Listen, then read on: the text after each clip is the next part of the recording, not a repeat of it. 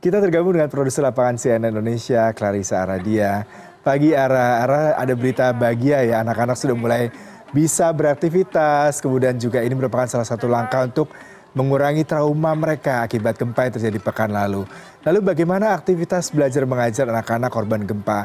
Apakah memang ada relawan yang mengisi waktu produktif anak-anak di sana seperti mungkin tadi belajar, sembali bermain, dan juga bagaimana dengan kondisi di pengungsian terutama kesehatan mereka? Silakan dengan laporan Anda.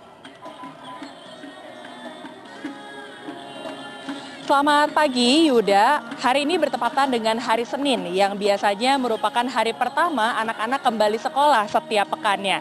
Namun tidak seperti itu yang terjadi di kawasan Kabupaten Cianjur pasca terjadinya gempa pada pekan lalu 21 November 2022. Saat ini saya berada sangat dekat sebenarnya dengan SDN Jambu Dipa 1, satu dari 144 sekolah yang terkena dampak dari gempa bumi.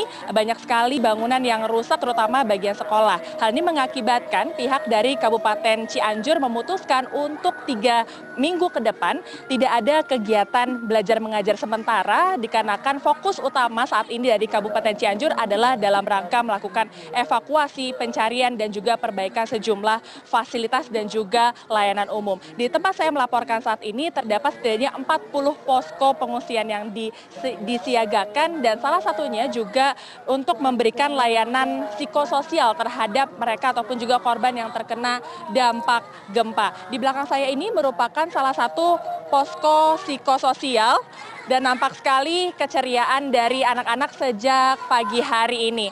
Kegiatan ini sudah dimulai sejak pukul 7 sampai pukul 9, namun saat ini masih terus berlangsung untuk bisa menambah keceriaan meskipun mereka dalam keterbatasan berada di kawasan pengungsian ini. Dan saya ingin berusaha untuk bisa wawancara berbincang bersama dengan salah satu relawan yakni Mas Ahmad. Oke.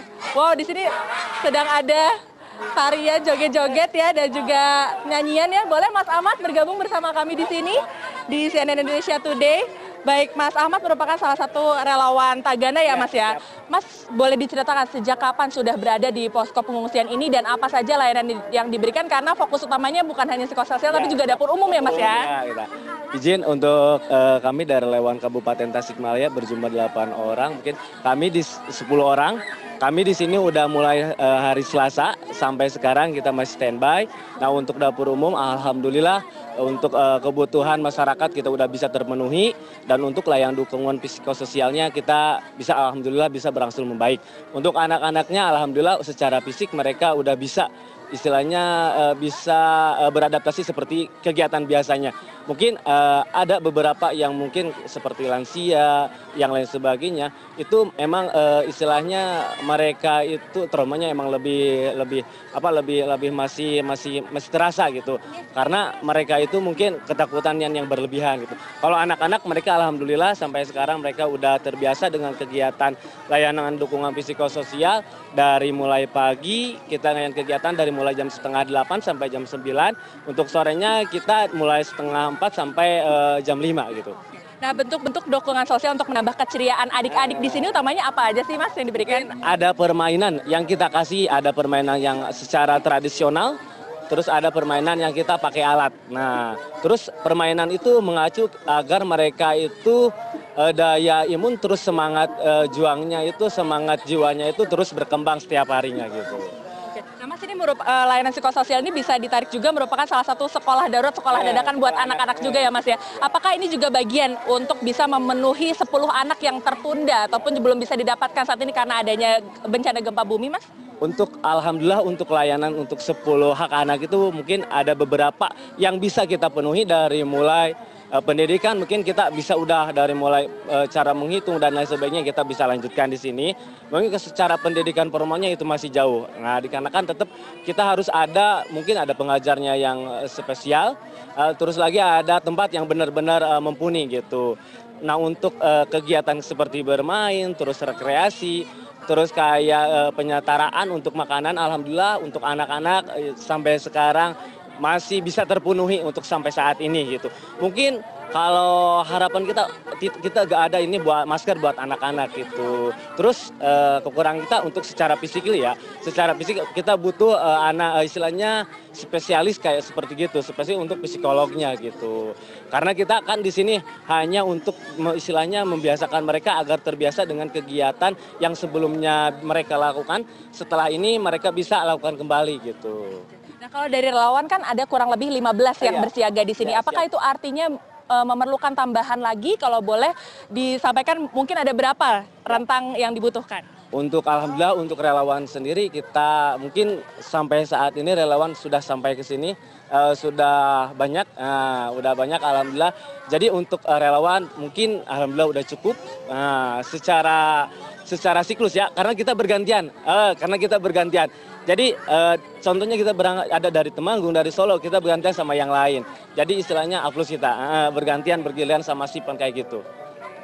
Nah, Mas kalau untuk kendala penanganan pasca trauma e, mereka yang dewasa sampai lansia, itu membutuhkan apa aja sih Mas? Ya, Alhamdulillah kalau emang anak-anak kita udah e, punya untuk alat peragana, APE-nya, untuk alat para, peraga edukatifnya, kita Alhamdulillah udah punya. Nah untuk mungkin e, kita untuk kekurangannya itu ada di lansia, karena sama sekali kita belum sentuh karena kita uh, kebetulan terbentur dengan sumber daya kita nah, dengan sumber daya kita sendiri gitu.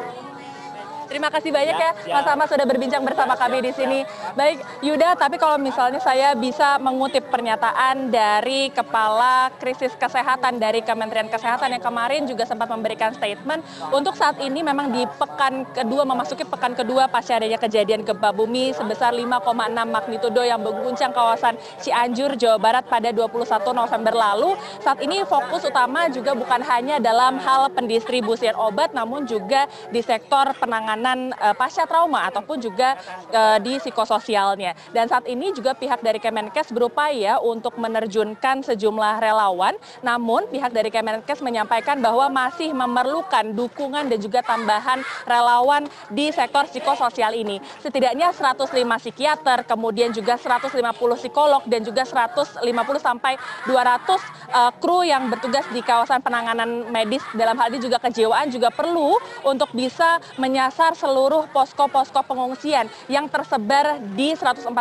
desa. Kalau berdasarkan informasi yang kami himpun kemarin dari Kepala BNPB menyampaikan bahwa per kemarin hari Minggu tercatat sebanyak 356 eh, posko pengungsian bersiaga di 15 kecamatan yang terdampak. Dan saat ini juga eh, penanganannya kalau dari pasca gempa ini juga bukan hanya di sisi penanganan traumanya saja, melainkan juga masih terus berupaya untuk bisa mendapatkan data ada berapa banyak bangunan yang terkena dampak mulai dari uh, rusak berat, rusak sedang dan juga rusak ringan. Dan ke depannya setelah di pekan kedua atau 14 hari masa tanggap bencana ini selesai, pihak dari uh, pemerintah Kabupaten Cianjur yang juga dibantu dengan pemerintah pusat tentunya akan memulai fase rekonstruksi ataupun juga pembangunan sejumlah bangunan yang rusak. Namun saat ini masih difokuskan terhadap sejumlah fasilitas umum yang memang sangat dibutuhkan oleh masyarakat dan ke depannya juga akan membangun sejumlah hunian bagi eh, korban-korban yang terkena dampak. Saat ini berdasarkan informasi yang kami himpun juga terdapat sedikitnya 63 ribu bangunan yang rusak sehingga mengakibatkan 73.600 lebih masyarakat harus eh, mengungsi ke sejumlah titik uh, posko pengungsian. Dan juga kalau berbicara soal posko pengungsian di sini juga ada penanganan bukan hanya di sisi psikososialnya saja, melainkan juga ada di sisi medis dan di kawasan uh, Jaga Raksa ini juga sudah standby setidaknya 15 relawan medis untuk bisa memastikan kesehatan dari seluruh pengungsi yang ada di sini di kisaran 500 sampai 600 warga. Yuda. Clarissa Radia, terima kasih untuk laporan langsung Anda. Selamat bertugas kembali, Ara.